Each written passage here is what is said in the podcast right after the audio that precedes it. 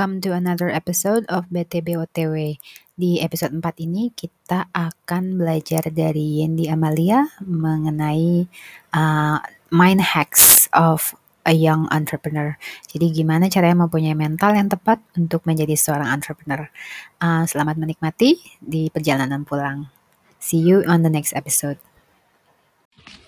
Nah, tadinya sebenarnya minggu lalu ketika Tia kontak gue untuk, eh dong kita ngomongin something tentang entrepreneurs, kita tadinya mau targeting ke millennials gitu, karena banyak atau ada beberapa atau uh, ada insight yang bilang bahwa um, si millennials ini itu banyak yang tertarik untuk bikin usaha, tapi masih nggak tahu harus gimana. Karena yang ada di pikiran mereka itu modalnya dari mana, terus uh, aset gue cukup apa enggak ya gitu. Terus cari timnya gimana bikin branding gimana terus uh, strategi atau buat plannya gimana. Sementara kalau secara pengalaman dan secara menjalani uh, Wordsmith Group udah hampir sekitar 8 tahun ini justru hal-hal yang yang apa namanya yang tadi kayak branding apa uh, terus kemudian strategi terus kemudian konten bukan yang nggak penting tapi sebenarnya itu bisa belakangan gitu. Karena itu sesuatu yang terus muter karena uh, market kita berubah kemudian kompetitor dan hal-hal seperti itu. Tapi justru yang shaping uh, entrepreneurs atau karena yang kita lakukan adalah sesuatu yang kita pengen long term. Kita nggak pengen cuman sebagai hustler gitu. Kayak ada tren untuk buka toko di Pasar Santa, semua orang buka toko di Pasar Santa. Terserah deh mau jualan apaan. Yang penting gue punya punya uh, toko aja dulu di Pasar Santa. Tapi begitu trennya udah nggak ada, orang-orang udah pada nggak ke, ke Pasar Santa, pindahnya ke pasar modern BSD, semua yang uh, apa namanya yang tadinya jualan di pasar Santa juga tutup gitu. Jadi hanya based on opportunity. Nah ini yang sebenarnya um, apa ya? Sebenarnya itu juga nggak salah gitu. Mereka juga entrepreneurs, tapi ada yang membedakan dengan uh, entrepreneurs yang memang ingin bisnisnya sustain gitu. Ada yang ingin dalam lima tahun ke depan atau tiga tahun ke depan atau even 10 tahun ke depan mereka udah bisa punya uh, apa ya uh, rencana atau justru lebih baik lagi adalah impact dari usahanya mereka gitu. Nah ini kenapa kita bilangnya yang entrepreneurs karena sebenarnya yang ingin kita coba sharing dulu juga gimana caranya punya mental sama mindset supaya siap untuk uh, menjadi business owner atau entrepreneurs. Oke, okay, dimulai. Oke, okay. uh, apakah menjadi entrepreneur itu harus punya background bisnis? Ternyata enggak. Based on personal experience, itu ternyata menjadi entrepreneur walau nggak punya background bisnis itu bisa banget gitu. Jadi nggak harus sekolah uh, apa namanya bisnis dulu, nggak harus punya MBA dulu, nggak harus punya apa namanya orang tua atau bisnis uh, family business yang uh, harus dijalankan gitu. Semua orang ternyata bisa banget menjadi entrepreneur walau background dan pekerjaannya dulu itu sama sekali nggak berhubungan dengan uh, dunia bisnis. Nah, uh, ini walaupun semua sudah saling kenal sekarang, tapi it's okay. Uh, gue mau memperkenalkan diri kalau uh, nama gue Yendi Amelia, dipanggil Yendi. Sekarang ini gue adalah CEO Wordsmith Group. Kenapa tadi gue bilang bahwa gak harus punya background bisnis adalah karena gue kuliah di jurusan jurnalistik ilmu komunikasi. Dari uh, mulai kuliah itu udah sudah kerja di radio, di TV sebagai penyiar, sebagai reporter, scriptwriter, kemudian pindah ke advertising agency sebagai copywriter, terus freelancing juga sebagai penerjemah sama editor, terus pernah di love, uh, pernah di PR firm, terus kemudian jadi coach-coach untuk komunikasi uh, apa namanya uh, konsultan. Jadi sama sekali nggak pernah kepikiran untuk ngejalanin bisnis, punya bisnis, atau even um, apa ya uh, menjalankan sebuah usaha yang harus long term gitu. Jadi waktu itu semuanya adalah short project, short contract, um, just to get the job done habis itu terserah deh ya gitu mau mau uh, apa namanya kliennya mau ngapain atau timnya mau ngapain yang penting abis gue dibayar dah gitu liburan lah atau traveling lah atau ke mana gitu. Jadi nggak punya sense of um, apa ya beban atau tanggung jawab untuk mikirin ke depannya gimana seperti itu. Nah ini yang gue bayangin ketika memulai Wordsmith Group ya yeah, gue punya ide yang bagus banget nih gitu. Ada yang kasih duit kemudian tinggal gue jalanin aja satu tahun dua tahun sukses. Kan? Semua orang merasa ketika kita menjadi entrepreneurs atau ketika kita sudah um, apa ya sahih bilang bahwa oh ya I'm running a business I'm managing a business ini yang orang-orang pikirkan. Tapi kenyataannya sebenarnya adalah ini. Ibu-ibu teman-teman kalau mungkin sudah ada yang mulai merasakan ya bahwa ini nih yang terjadi si benang kusut ini nih ini yang harus dihadapi setiap hari, setiap pagi, setiap bulan, even mungkin ada yang masih di tahapan ini walaupun sudah menjalaninya berapa tahun uh, dari bisnisnya.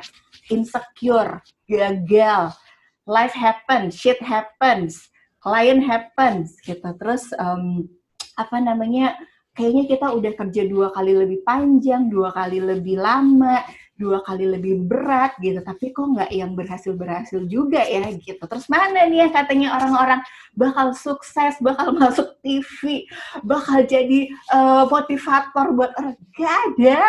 Belum ada mungkin. Tapi sebenarnya itu yang terjadi. Jadi kalau agak-agak pakai hati emang itulah ya gitu sebenarnya. Gitu.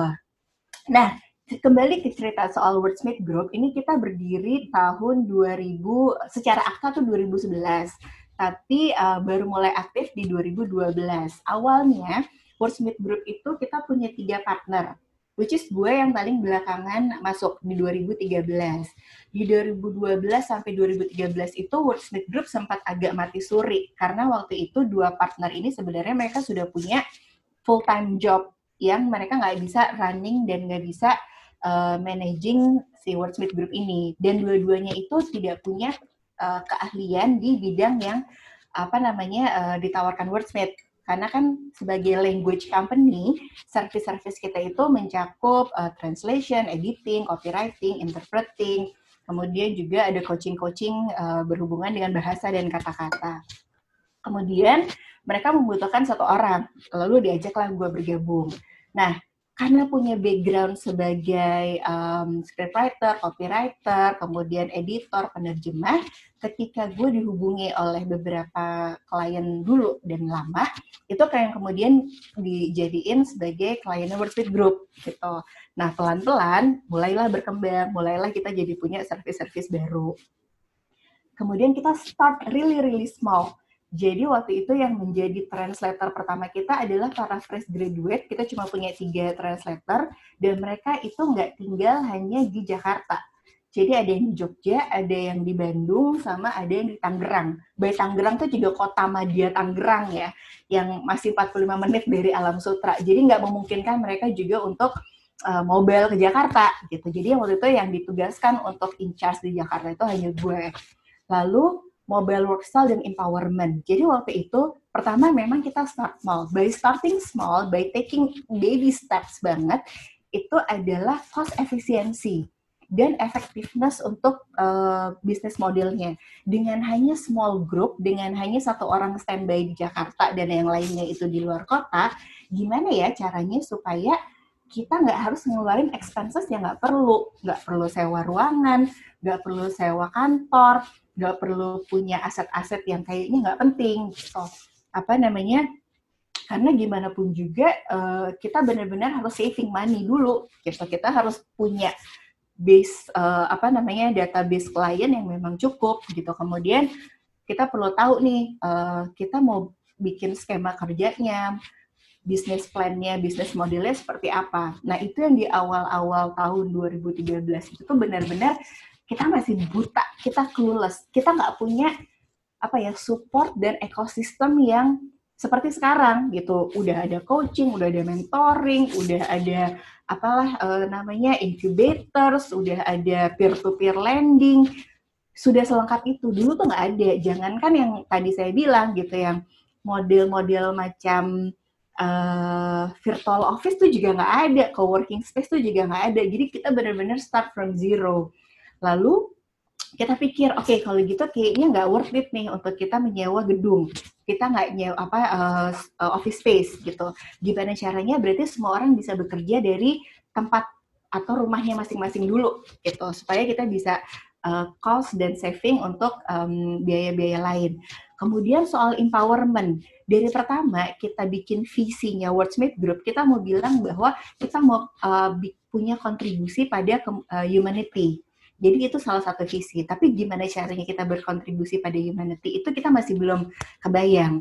Nah kemudian dengan mobile work style ini akhirnya dan apa ya uh, lama-lama kan memang kliennya Wordsmith tambah, servisnya Wordsmith tambah waktu itu yang kita ajak untuk bergabung atau menjadi uh, tim yang mengerjakan project karena memang masih kecil juga dan kita nggak sanggup untuk hijack orang-orang agensi yang mahal gila itu.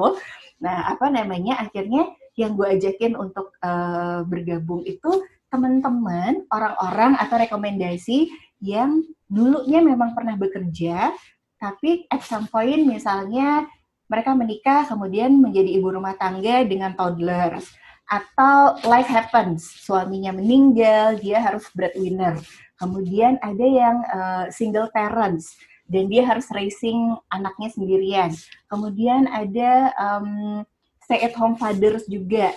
Kemudian ada difabels kemudian ada LGBT jadi yang menurut uh, apa ya namanya ya kalau kami bilang adalah mereka adalah kelompok-kelompok yang sebenarnya penting dan perlu banget disupport. Dan mereka punya financial income tapi mereka punya keterbatasan untuk nggak bisa sefleksibel kita menjalankan 9 to 5 conventional working yang harus uh, naik public transportation atau dua jam di jalan kemudian apa namanya um, kerja di salah satu gedung-gedung di Sudirman gitu. Karena mereka tidak punya keleluasan itu.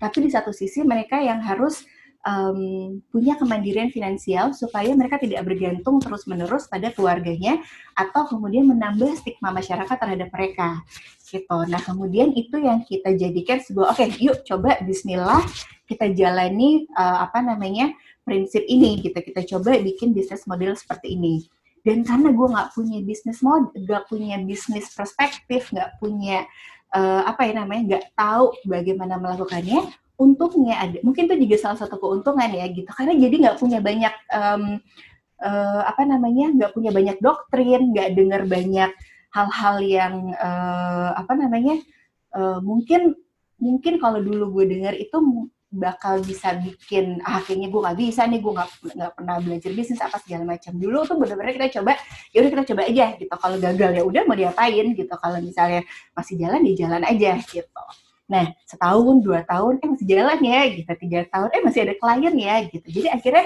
at some point kita pikir eh iya ini beneran loh gitu. Jadi uh, di tahun ketiga ketika kita merasa bahwa iya yeah, there's something here gitu. Karena uh, beberapa kali juga akhirnya Wordsmith itu diajak tender, diajak teaching, kemudian jadi preferred vendor gitu. Dan kita juga punya banyak uh, apa namanya partner-partner yang uh, kami sering disap oleh agensi gitu. Salah satunya dari agensinya Ibu Aisyah di sini gitu kan. Terus apa namanya jadi kita punya networking yang lumayan gitu. Jadi itulah yang memulai si Wordsmith dan um, gue beserta tiga partner ini akhirnya menjalankan Wordsmith gitu. Karena kita start small, itu awalnya 2013, di sekitar 2015-2016 itu kita cuma jadi berenam. Dan kebanyakan cewek gitu. Waktu itu belum ada cowoknya. Jadi benar-benar kita menyesuaikan dengan uh, kapasitas yang ada. Karena kita bertaking baby steps, kita benar-benar nggak ambisius. Kalau startup startup sekarang itu mereka sangat ambisius, within five years gue akan exit, within six years gue akan IPO gitu. Ya boleh, boleh banget gitu kan. Katanya bertindaklah sesuai kemampuan ya gitu. Karena gue sadar bahwa kemampuan gue terbatas dan gue tidak ambisius gitu. Makanya kita penambahannya cuma enam orang 8 orang, yang terakhir tuh 12 orang tahun tahun lalu kalau nggak salah. 2018 atau 2019. tapi we manage untuk membuat ini seperti sebuah um, apa ya uh, secara kekeluargaan iya. Tapi sebenarnya gini Woodsmith ini karena kita jarang banget kita nggak pernah ketemu kita nggak pernah punya physical contact kita nggak pernah ngobrol satu sama lain kecuali keluarga eh, kecuali kerjaan ya. Jadi kadang-kadang kita nggak tahu kita suka dengar suaranya kita suka dengar apa namanya uh, kita email-emailan tapi kita nggak tahu mukanya kayak apa. Kita nggak tahu dia anak keberapa kita nggak tahu apakah dia uh, apa namanya rambutnya pendek atau rambutnya panjang kita kita nggak tahu jadi kadang-kadang memang kita baru ketemu itu satu tahun atau dua tahun sekali ketika ketika misalnya cash flow bagus, kita punya profit, ayolah kita jalan-jalan. Tapi kalau enggak ya udah ya di rumah aja gitu. Dan orang-orang ini entah gimana kita bisa share satu frekuensi yang sama bahwa uh, kita sangat mengerti bahwa kita punya working environment yang agak anomali di saat itu ya. Jadi ya sudah kita gitu. karena memang mungkin beberapa dari kita punya uh, prioritas yang berbeda. Ada anak, ada orang tua, ada keluarga, atau ada hal-hal lain. Jadi semua orang itu diharapkan untuk bisa punya self management sendiri-sendiri, tapi kita punya level of trust yang sama. Kita berusaha untuk membangun level of trust yang sama bahwa I depend on you to get this job done. Kita I fully trust you untuk bisa deliver quality dan standar yang bagus. Supaya kalau enggak itu nggak akan jadi masalah buat orang lain. Jadi that's uh, wordsmith grow basically. Nah, ini kemarin 2019 gitu sebelum pandemi kita ke Jogja gitu dan ini menyenangkan sekali kita cuma dua hari karena dan ini pun juga jadi anak-anak ini mungkin karena uh, penulis editor gitu apa namanya mereka nggak terlalu uh, suka bersosialisasi. Dan mereka nggak selalu nggak terlalu suka hal-hal yang um, ini dua hari ini aja tuh mereka kayak uh, udah ya mbak besok kita pulang kan? Udah ya seperti itu. Jadi mereka nggak terlalu suka. Jadi uh, penting banget juga untuk bisa tahu sebenarnya apa sih gitu yang membuat um, tim kita itu juga bisa uh, mereka senang, mereka nggak happy, mereka uh, bisa puas. Seperti itu. Nah, uh, jadi sebenarnya menurut gue personally menjalankan bisnis 90%-nya itu adalah mental dan mindset. Karena 10%-nya itu adalah itu tadi gitu. Gimana kita self developing gimana kita uh, bikin strategi gimana kita bikin konten gimana kita branding. Itu hal-hal yang memang diperlukan gitu. Itu bisa salah satu yang membuat membuat uh, bisnis itu berjalan gitu. Bisnis itu bisa menarik customer. Tapi 90 persennya yang ujiannya beda-beda itu adalah di mental dan mindsetnya. Uh, one of my mentors bilang salah satu yang bisa bertahan menjadi entrepreneurs itu biasanya di atas umur 35 tahun atau di usia 30-an gitu. Not just um, lulus uh, S2 di usia 22, balik dari luar negeri, kemudian set up company, and then becoming CEO. Iya bisa gitu kan. Tapi biasanya anak-anak millennials ini, um, they don't have the life wisdom mereka nggak punya, mereka belum pernah menjadi anak buah yang di abuse sama uh, bosnya misalnya.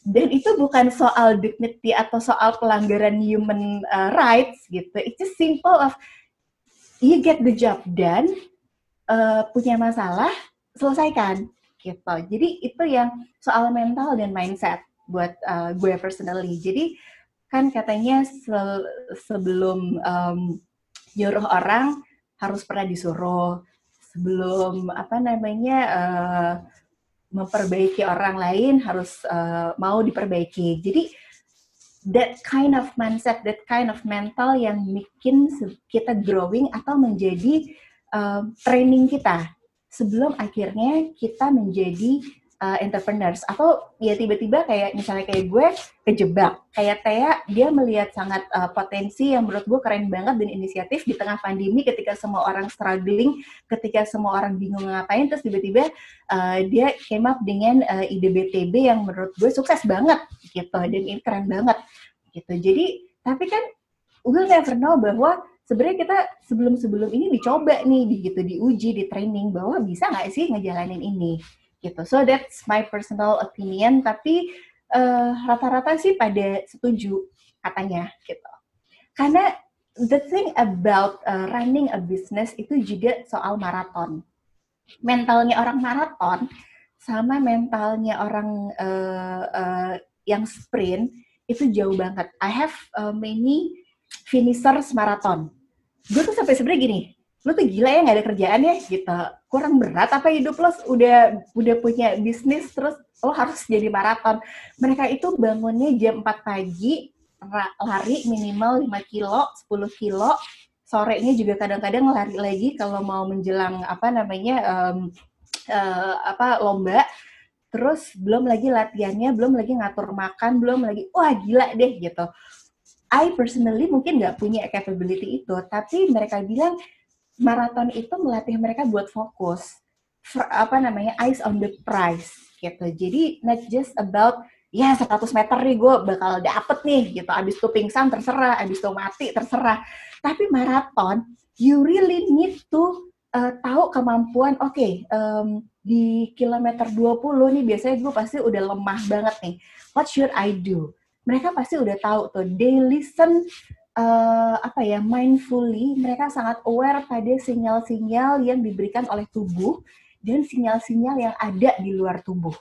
Itu sih ternyata yang kalau misalnya ngobrol-ngobrol sama marathoners gitu, apa yang bikin mereka. Dan ketika mereka finish, it's not just about the medali, medali itu udah mereka cuma gantung udah gitu tapi it's personal achievement buat mereka sama mental itu kan jadi uh, ya bayangin aja 42 kilo ya gitu. Itu kayak dengkul lo mungkin kayak geser gue rasa gue personally. Jadi kayaknya memang memang uh, mentalnya memang mental maraton gitu. Karena it's long term. It's not just 100 meter it's not just 500 meter it's 42 kilo gitu. So the difference is very significant. Nah, ini juga work-life balance. Banyak orang, banyak uh, uh, ya beberapa lah ya gitu yang merasa bisa punya work-life balance ketika menjadi entrepreneurs.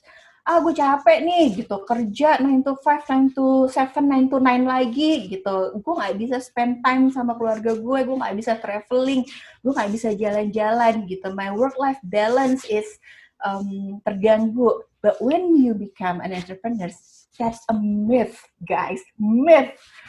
Karena satu tahun, dua tahun, you literally have no time for anything else. Yang ada di pikiran kita, well, mine personally, waktu itu adalah gimana ya caranya kayak punya punya PR itu banyak banget gitu yang nggak selesai-selesai. Kalau kita kerja kantoran, kita tahu jam 6 kita harus pulang. Otherwise um, jalanan bakal macet banget atau kita akan susah dapat uh, kendaraan pulang. Kemudian kita tahu ada ada papers atau ada report yang harus kita submit jam 7 malam atau jam 2 siang. Karena itu yang ditugaskan oleh bos kita. Kalau enggak kita akan kena dapat hukuman. Kita punya orang yang um, supervising, kita punya orang yang telling us what to do, kita punya orang yang akan grounded grounded kita atau kasih kita punishment kalau itu nggak selesai. But when we are becoming um, entrepreneurs, nggak ada. We are our own boss. Kita, kita yang telling us what to do, kita yang kasih reward and punishment buat diri kita sendiri. Dan sometimes itu yang bikin otak kita jadinya nggak bisa berhenti untuk kerja kerja kerja. Pikir pikir pikir. Apalagi nih apalagi? Harus gimana ya? Ada masalah A solusinya harusnya seperti apa? That ya mungkin nggak selamanya sebenarnya gini flexibility-nya tetap ada. Di saat jam 2 siang aduh bosan di uh, rumah ngafe ah gitu. Ah nonton nonton dulu deh gitu. Atau kalau gue di rumah eh apa nih di uh, Netflix? Kayaknya filmnya bagus. Ya gue nonton Netflix dulu gitu kan. Which is jadinya um, buat beberapa orang dia mereka pikir itu adalah privilege. Tapi itu tadi gitu. Sejauh mana kita punya uh, kedisiplinan diri untuk mengatur waktu itu gitu. Karena work life balance jadi kita yang mengatur. Jadi kita yang punya kuasa atas 24 jam selama tujuh hari. Gitu. Jadi ini juga sesuatu yang kadang-kadang membuat orang merasa pengen punya goal work life balance tapi kaget gitu ketika harus menjadi entrepreneurs. Nah um, Kemudian banyak juga, seperti tadi di awal saya bilang ada perbedaan antara entrepreneurs dan menjadi hustler. Hustlers itu um, apa ya, um, mungkin more memang lebih kepada opportunity. Gue punya modal, ada opportunity, gue bikin toko gitu. They don't really have the purpose, they don't really have the mission, they don't really have the cause. Ini gue ambil dari uh, Simon Sinek karena menurut gue insight-nya bagus. To become an entrepreneurs, kita perlu tahu the why, the how, and the what-nya dulu. Gitu. Jadi, ini kemudian ketika coba diterapkan ke Wordsmith Group adalah oke, okay, karena kita harus punya mental maratoner itu kita perlu tahu kan why? Kenapa gue harus menjalani ini? Kenapa gue gak bisa tutup laptop aja yang bilang bodoh amat gitu kan. Kayak bisa because we have the why. The why ini sesuatu yang menjadi cikal bakal awal mula kenapa kita mau melakukan ini. Wordsmith Group contohnya. Uh, seperti tadi kita mau contribute pada um, komunitas uh, pada humanity my personal why is I have an issue tentang women empowerment. Karena ada relasi yang tidak equal yang gue lihat selama bertahun-tahun antara relasi pernikahan antara uh, bokap dan nyokap gitu, my mom and my dad. Mungkin karena memang generasinya memang sangat beda ya gitu. My dad itu dia sangat-sangat um, dominan, tipikal kepala rumah tangga yang uh, semua gue yang kontrol. Lo tau beres, gue kasih uang bulanan, gue kasih apa pun yang lo mau gitu. Tapi gue yang kontrol. My mom on the other hand itu sangat submissive.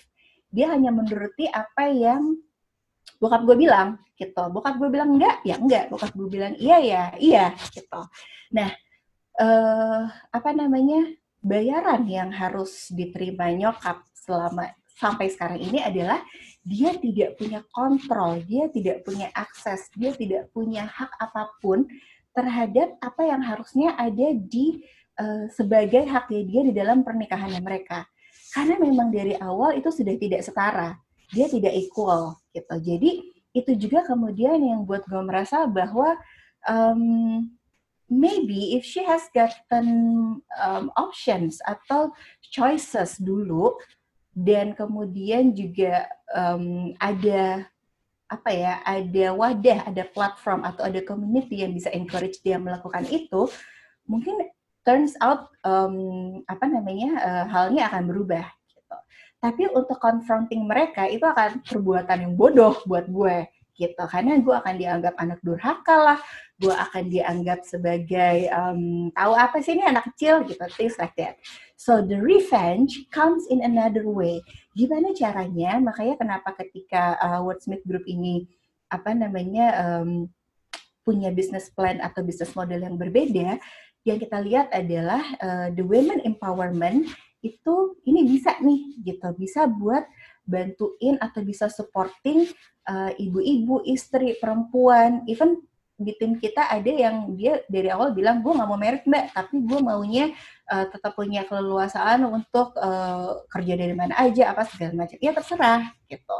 So that's my personal why adalah gimana caranya bisa tetap supporting mereka tetap bisa bantu mereka tapi juga at some point it's not we're not charity we're not uh, foundation gitu. Mereka tetap harus punya standar dan kualifikasi yang kita perlu nah uh, okay, the why is for me it's women empowerment but how how it's melalui sebuah bisnis uh, model sebuah platform sebuah wadah yang bisa uh, mewadahi mereka untuk bisa bekerja bisa earning income tapi juga at some point mereka tetap bisa fleksibel mengurus apa yang menjadi prioritasnya masing-masing.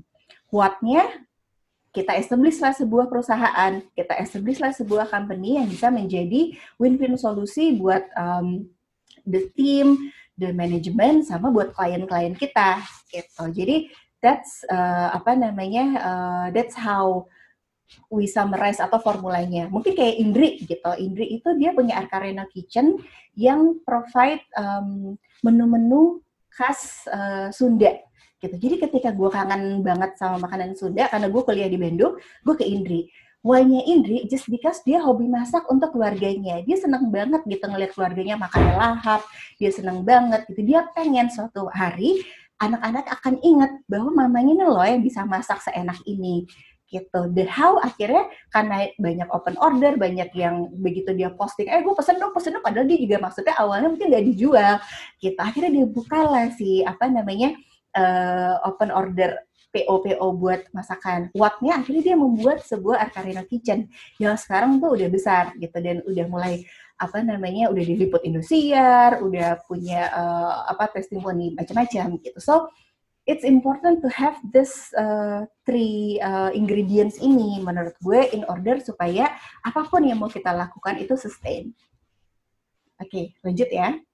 So that's uh, your why. Discover it mau personal reason, mau uh, communal uh, purpose, terserah.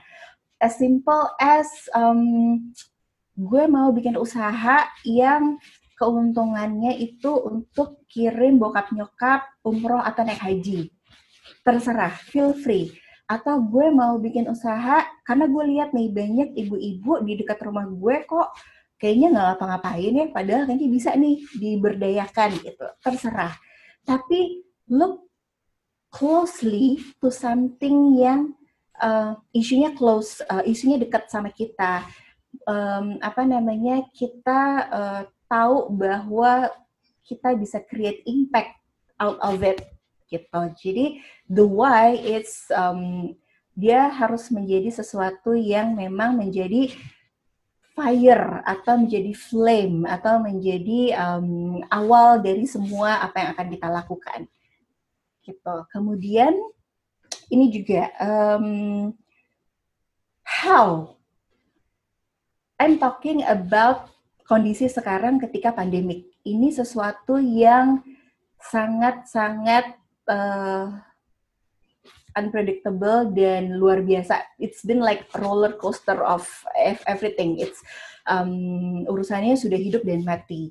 Jadi ketika kita mau membuat usaha, karena banyak sekali juga usaha-usaha atau perusahaan yang besar juga kolaps. Yang kita pikir mereka sudah sedemikian besar, sudah sedemikian uh, tidak terkalahkan, tapi ternyata mereka juga harus punya strategi, mereka harus lay off gila-gilaan just for the sake of surviving. So this is adalah ground zero for everybody. Ini adalah riset, the game changer.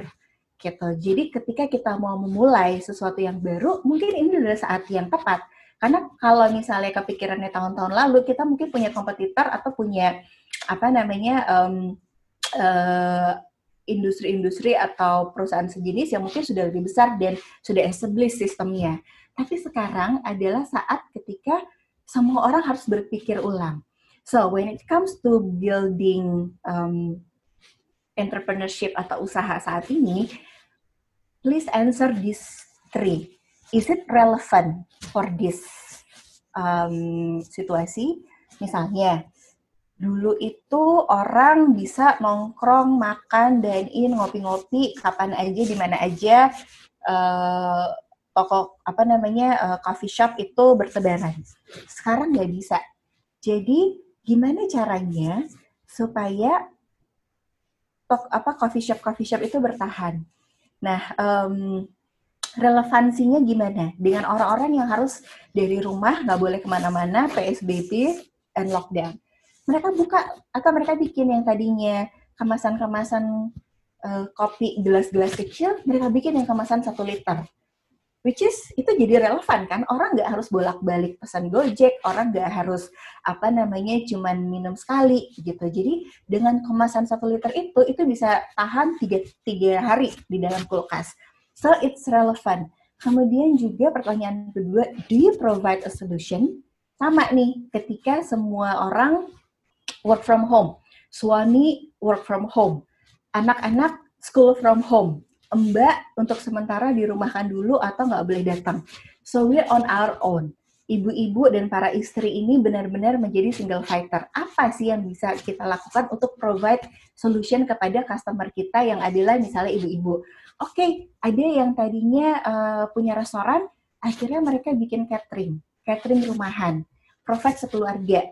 Yang tadinya makanannya fancy, ini benar-benar makanan rumahan. Kemudian juga ada yang bikin frozen food daging, ayam, ikan yang bisa tiga bulan tahan di freezer. Kapan pun mau, tinggal dipanasin uh, atau tinggal dimasak. So we provide solution untuk keadaan seperti saat ini. Pertanyaan ketiga adalah do you constantly do it? Ini berhubungan dengan mental kita tadi gitu. Kalau ternyata satu packaging atau satu strategi itu sudah nggak berhasil, atau ketika misalnya, oke okay, semua orang jadinya bikin packaging yang bisa ditaruh di dalam freezer selama tiga bulan, lalu kita harus bikin seperti apa lagi gitu. So do we have enough time, energi, atau apa pun itu untuk keep doing what we are doing? Kalau misalnya kayak um, apa namanya industri kita atau usaha kita itu ada di bidang F&B. Apalagi nggak serta merta kemudian ketika aduh semua orang udah pada bikin seperti ini, aduh semua orang udah ngerjain semua ini, jadi deh gue buka salon aja. That's different thing gitu. Itu hal yang sama sekali berbeda dan mungkin kita nggak punya skill atau kita nggak punya kemampuan yang cukup untuk itu gitu jadi um, gue rasa tiga tiga hal ini yang kita harus selalu mempertimbangkan ketika finally kita mencoba untuk membuat sebuah usaha oke okay? nah uh, kembali tadi ketika kita bicara soal relevansi apa yang kita pikir penting tapi at some point ketika kita pikir, oh ini penting nih, ini hanya kacamata kita sebagai seller, ini hanya kacamata kita sebagai um, entrepreneurs. Tapi apakah menurut kita yang menurut kita penting adalah sebenarnya hal yang menurut customer kita itu menarik untuk mereka. Nah ini yang perlu trial error, perlu tester, perlu um, apa namanya uh, strategi baru, perlu coba-coba untuk sampai kita tahu apa irisan yang akan relevan buat kita sebagai entrepreneurs dan customers kita. Kemudian juga yang seperti tadi gitu, problemnya apa, tapi kita datang dengan solution. Bagaimana kita tahu itu adalah problem? Banyak-banyaklah ngobrol, banyak-banyaklah bernetworking, banyak-banyaklah ikutan um, acara-acara gitu, banyak-banyaklah bicara dengan uh, para uh, business owners atau entrepreneurs lain supaya kita tahu bahwa sebenarnya oh kita punya problem yang sama apakah kita bisa uh, provide solusi yang sama ataukah kita bisa punya sebuah insight untuk bisa menjadikan ini hal yang uh, bisa dikerjakan bersama? Seperti itu. Nah ini juga masalah grit. Angela Duckworth ini dia adalah seorang psikolog yang kemudian menjadi edukator. Dia bikin penelitian di sebuah sekolah um, ada anak yang pintar, ada anak yang tidak terlalu pintar, ada anak yang biasa-biasa aja. Dia membuat penelitian mana nih kira-kira yang hasil nilainya bagus dan bisa lulus dengan tepat waktu dan nilainya juga bagus. Dia bilang ternyata bukan dari tiga uh, golongan itu, tapi muncul sebuah satu klaster baru yang dia bilang adalah anak-anak yang punya grit. Orang-orang yang punya grit. Grit itu dia summarize sebagai the power of passion. Jadi punya satu passion aja itu belum tentu punya grit. Dia harus di-ignite terus-menerus sampai yang tadinya apa namanya um, dicoba nggak berhasil, mereka masih mau coba lagi nggak berhasil. Kalau bahasa Indonesia mungkin kalau kita jatuhnya tujuh kali, tapi kita bangunnya delapan kali.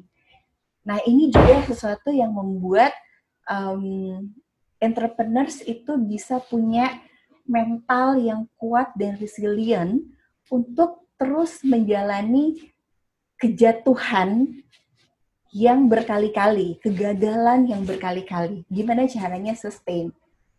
Oke. Okay? And uh, salah satu quote yang saya suka itu juga adalah if you get tired, learn to rest, not to quit. There are moments yang I was just this close to resign, to quit, to just uh, lupakan dunia, gue nggak mau ngelakuin ini lagi, this is too hard, this is so painful.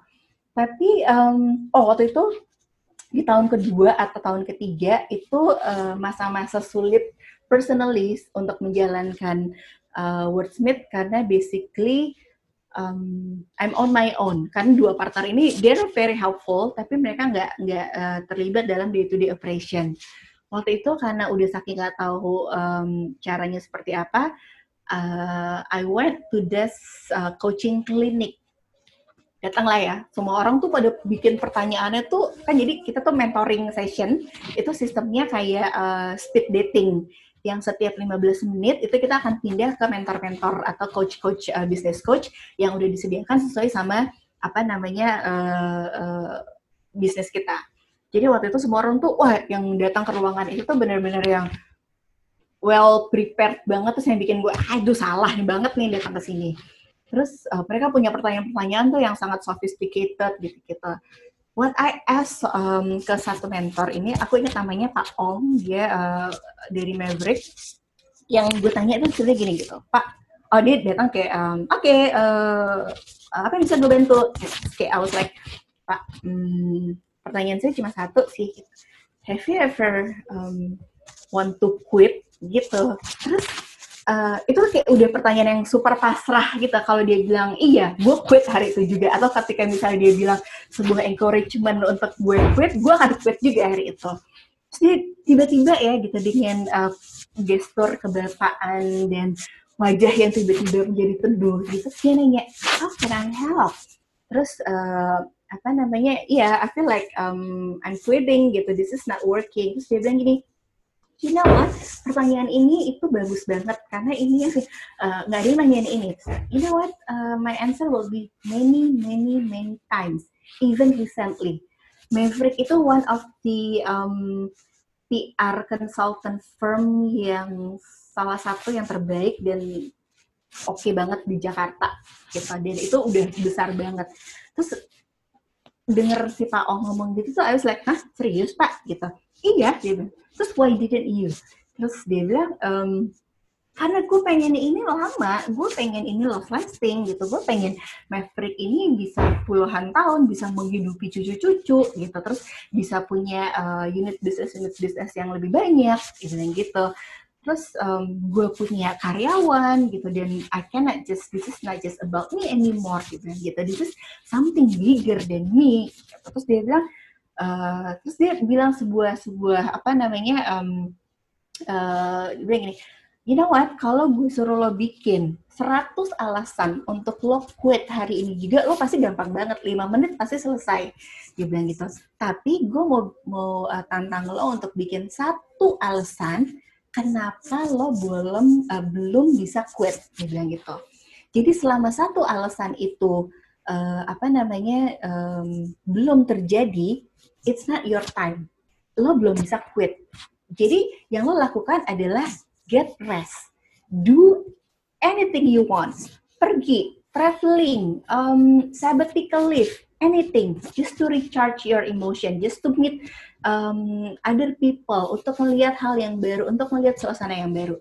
So that's what I did. So selama ini um, jadi dan ini juga I tried um, hiking, kemudian paddling, kemudian wall climbing. Ini hal-hal yang belum pernah gue lakukan dan gak kebayang sama sekali akan pernah gue lakukan selama hidup gue. Karena this these are not my uh, bucket list sebenarnya ini nggak ada di bucket list gue. Bucket list gue tuh lele di Santorini ke pantai gitu. Nggak ada yang begini-begini ngapain gitu. Tapi when it uh, tahu apa yang membuat ini terjadi. Tapi mungkin sebenarnya Pertama adalah gue mau melakukan hal yang gak pernah gue lakukan sebelumnya. It's about testing atau keluar dari my comfort zone. Gue mau melakukan kegiatan yang membutuhkan kepercayaan diri bahwa gue bisa. Wall climbing itu gila ya, kalau kata orang Sunda ngadarek dek gitu. Itu susah banget. Apa namanya? Tapi yang dia yang my instructor kita ini adalah lo bisa just trust yourself lo bisa just trust yourself gitu karena ya yang kita punya hanya diri kita sendiri. Ketika hiking, it's about endurance for me. Endurance juga yang kemudian diperlukan untuk bisa uh, menjalankan sebuah usaha atau punya ya ibaratnya adalah melakukan maraton gitu. So ini juga yang um, uh, kalau bisa ya dilakukan gitu. Mungkin bukan kalau bisa, memang harus dilakukan gitu. Karena eventually kita akan get tired, kita akan exhausted, kita akan um, apa ya, uh, udah bias banget antara gak kuat sama bosan sama frustasi gitu. maybe it's time to get rest. Dan kita nggak pernah tahu karena timelinenya orang beda-beda. Ada yang di satu tahun, ada yang di tiga tahun, ada yang di sepuluh tahun gitu. We'll never know. Tapi aku selalu ingat sama pesannya Pak Om. Dia bilang sebelum satu alasan itu terjadi, itu belum waktunya untuk kita um, resign atau kita quit atau kita exit. Oke, okay. the thing tentang creating um, atau being entrepreneur itu juga punya support system. Bukan hanya teman-teman yang uh, sesama business owners yang kemudian kita selalu bertanya atau mencari uh, insight atau just sharing our journey, tapi juga orang-orang yang ada dan pernah ada di hidup kita.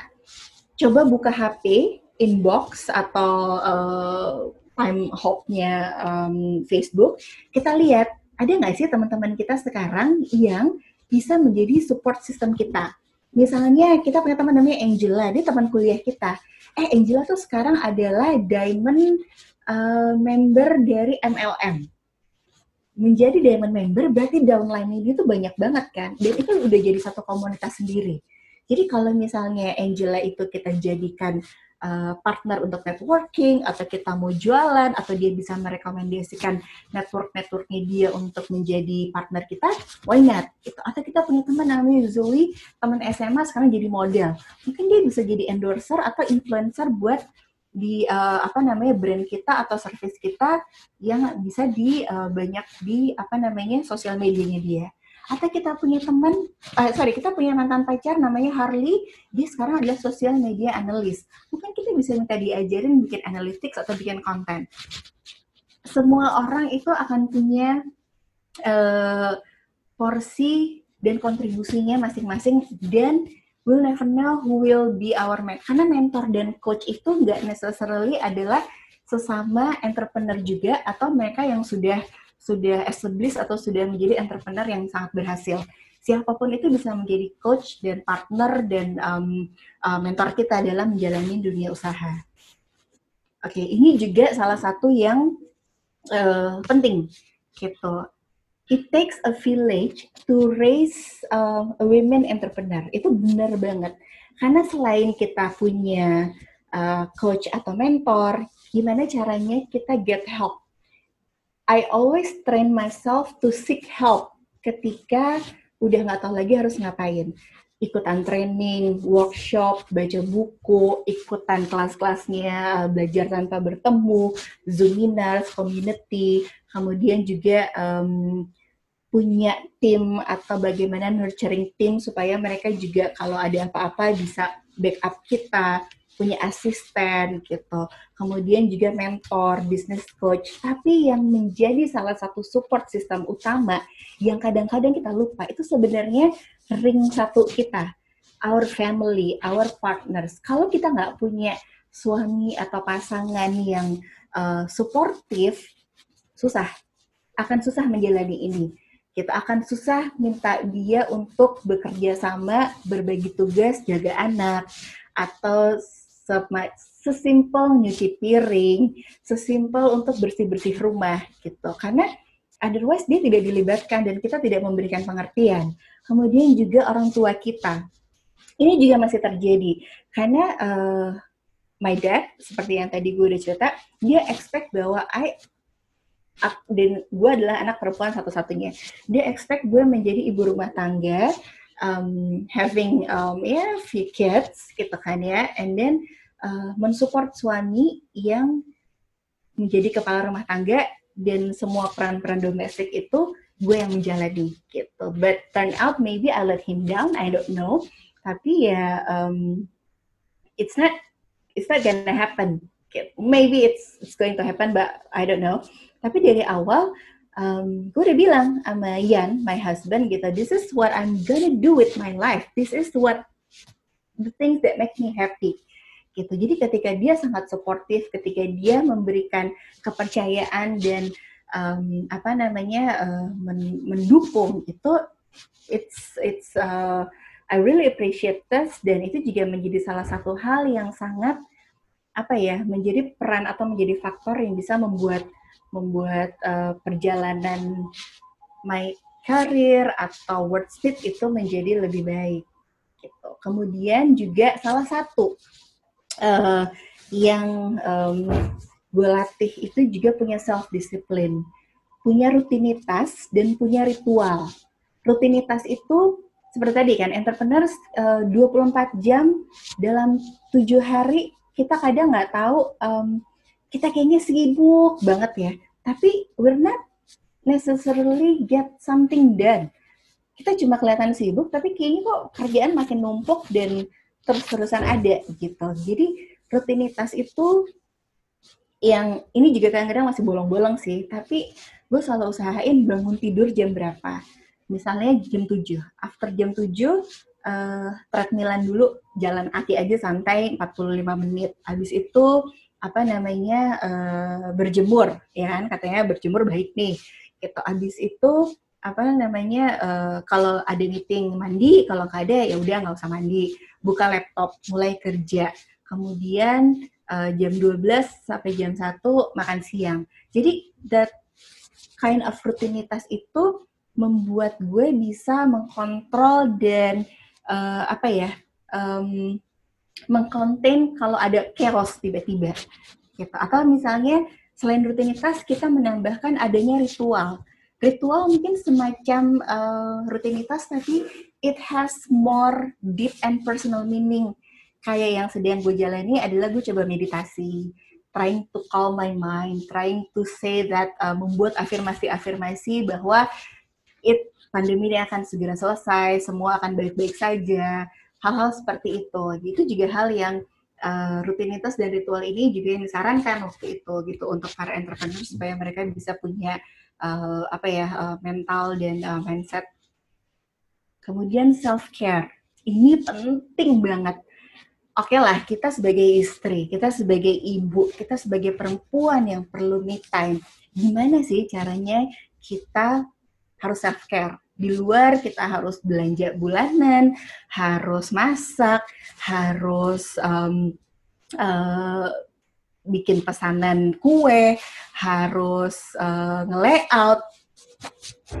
Kayaknya 24 jam mungkin nggak cukup, tapi kemudian energi kita sudah terlalu lelah gitu. So, uh, please celebrate every win, no matter how small. Apa pun yang terjadi, apa pun yang membuat kita itu please celebrate first client atau ada repeat order dari customer kita berhasil bikin resep baru ada uh, komplimen yang bilang bahwa masakan kita enak atau pekerjaan kita baik atau ada endorsement gitu.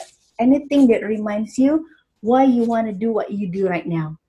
Please celebrate. Apa pun. Mau pijat mau makan steak 300 gram 400 gram terus mau punya uh, persediaan restock es krim satu liter gitu, anything, beli satu gitu, clear that uh, cart yang ada di Tokopedia atau yang ada di Zalora gitu, just just do it, just do it, karena um, itu yang kadang-kadang bikin, kalau gue tuh kadang-kadang gini ya, uh, misalnya gue akan memulai suatu pekerjaan yang uh, berat, let's say itu adalah um, bikin annual report ya. Annual report itu berat.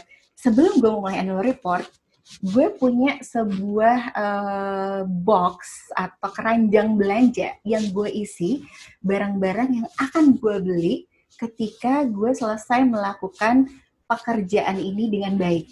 Dengan baik means client happy, I'm happy, my team happy.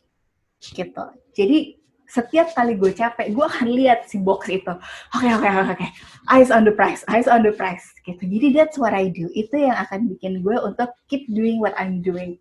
Gitu. Ya walaupun deg-degan kalau uh, ternyata si kurirnya datangnya di hari Sabtu atau Minggu ketika my husband at home. Kan dia akan nanya, beli apa lagi kamu? gitu. Tapi ya udah ya, kita masih ada he cannot really um, apa namanya complain or uh, whatsoever. Nah, ini juga yang uh, perlu kita pelajari. Gimana caranya mengkurasi masalah.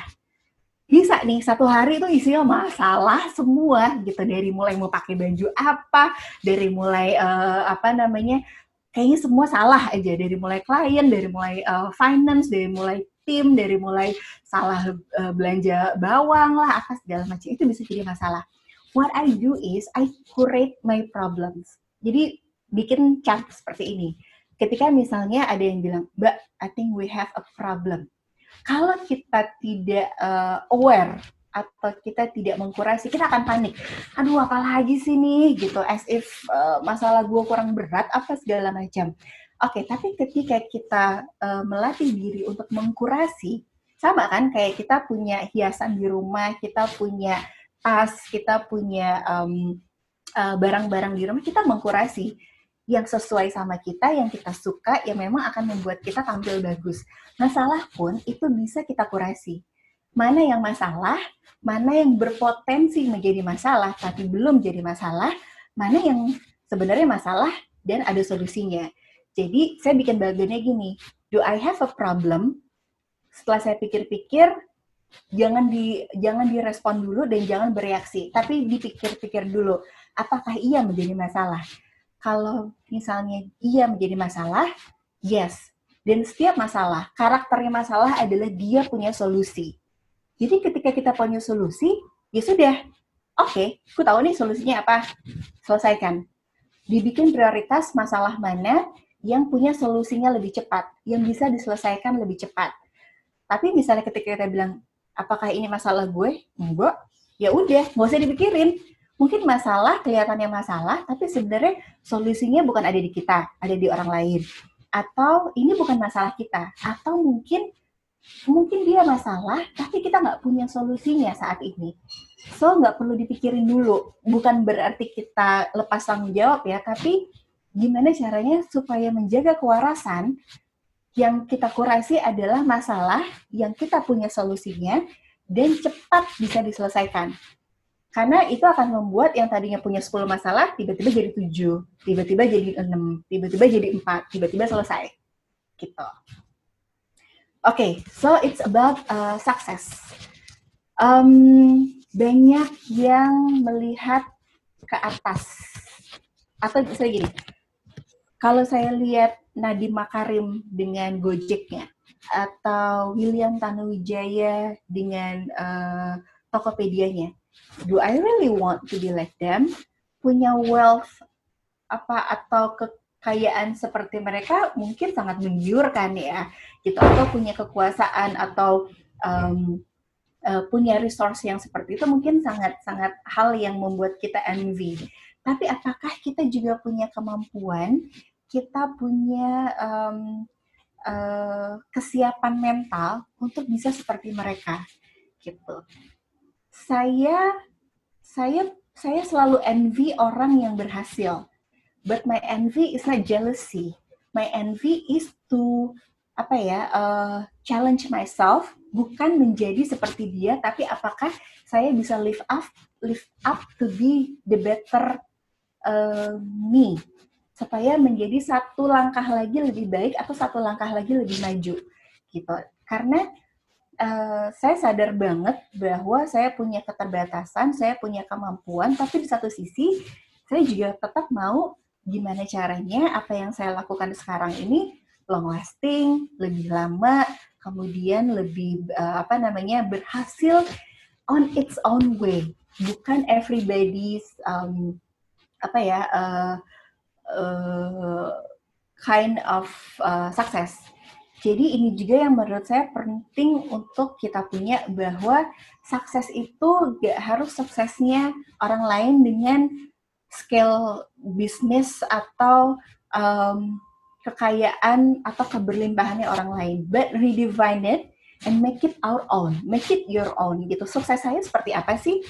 Uh, apakah tadi misalnya my personal cause adalah sampai um, saya bisa menaik hajikan atau mengirim umroh orang tua saya atau mbak saya di rumah. That's my success gitu. Karena untuk bisa achieve itu, itu juga perjalanan yang nggak mudah. Itu kita keep challenge ourselves. Oke? Okay? Dan ini juga yang um, salah satu yang terbukti bahwa hasil itu nggak pernah mengkhianati usaha. Gitu. My personal achievement um, selain memang Wordsmith bisa bertahan selama 8 tahun, with the ups and downs, kemudian juga mulai uh, dikenal oleh banyak orang. Kami punya kompetitor ya, itu kan katanya juga um, apa namanya uh, form of flattery ya, gitu. Terus kemudian juga apa namanya uh, hasil-hasilnya mulai tampak, kita punya klien, kita punya network yang baik, gitu, kita punya apa namanya partner-partner yang sangat um, menyenangkan dan memberikan kolaborasi.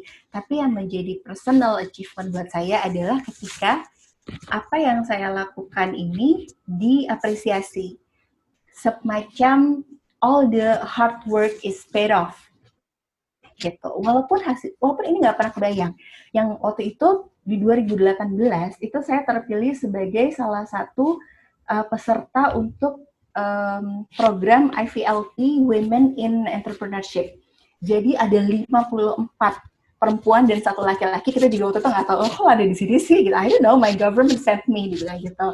Jadi 54 orang ini adalah they are really strong women dari industri masing-masing, nggak hanya entrepreneurs, tapi semua yang berkecimpung di dunia kewirausahaan. Ada banker, ada NGO, ada dari government gitu. Dan kita semua ngobrol gimana sih uh, caranya menjadi entrepreneur, gimana memajukan sebuah uh, apa namanya uh, ekosistem entrepreneurship di negara kita dengan semua challenges dan concern yang ada, gimana caranya kita bisa kolaborasi, gimana caranya kita saling menguatkan gitu. Dan ini yang kemudian menjadi um, apa ya buat saya tuh kayak iya ya gue nggak sendirian ya gitu ternyata apa yang dirasain selama ini tuh juga dirasakan oleh satu dunia gitu. So it's you'll never walk alone. Jadi kebayang tiba-tiba saya jadi punya 54 um, translator kan dari 54 negara, semua bahasa yang tadinya nggak uh, kepikiran untuk kita akan bisa dapetin resource ternyata sekarang ada gitu. Kemudian juga kita bisa ngobrol, kita bisa uh, diskusi, kita bisa coaching sama uh, orang-orang uh, atau uh, tokoh-tokoh yang memang udah sangat uh, mumpuni gitu di women entrepreneurship gitu seperti itu. So ready to become your own boss. So you can do it. Gak gampang pastinya, tapi you can do it and it's not alone. You're apa ya? Um, kayak support system tadi itu bisa membuat kita merasa tidak sendirian dan itu hal yang penting. Karena kita nggak bisa cerita soal journey kita as entrepreneurs, as women business leader, as a business owner kepada teman kita yang tidak punya role yang sama. Jatuhnya akan curhat dan mereka nggak akan ngerti gitu. Sementara yang kita butuhkan mungkin hal-hal yang uh, substansial untuk kita bisa lakukan, untuk bisa kita uh, punya perspektif baru, untuk bisa gimana cara kita bikin decision karena every day it's a split um, second decision yang harus kita buat dan kita nggak pernah tahu hasilnya seperti apa. Apakah itu akan berhasil ataukah itu tidak berhasil. Seperti itu. Oke, okay, so um, udah selesai. Saya akan stop sharing dan kembali ke Tia. Thank you. Thank you.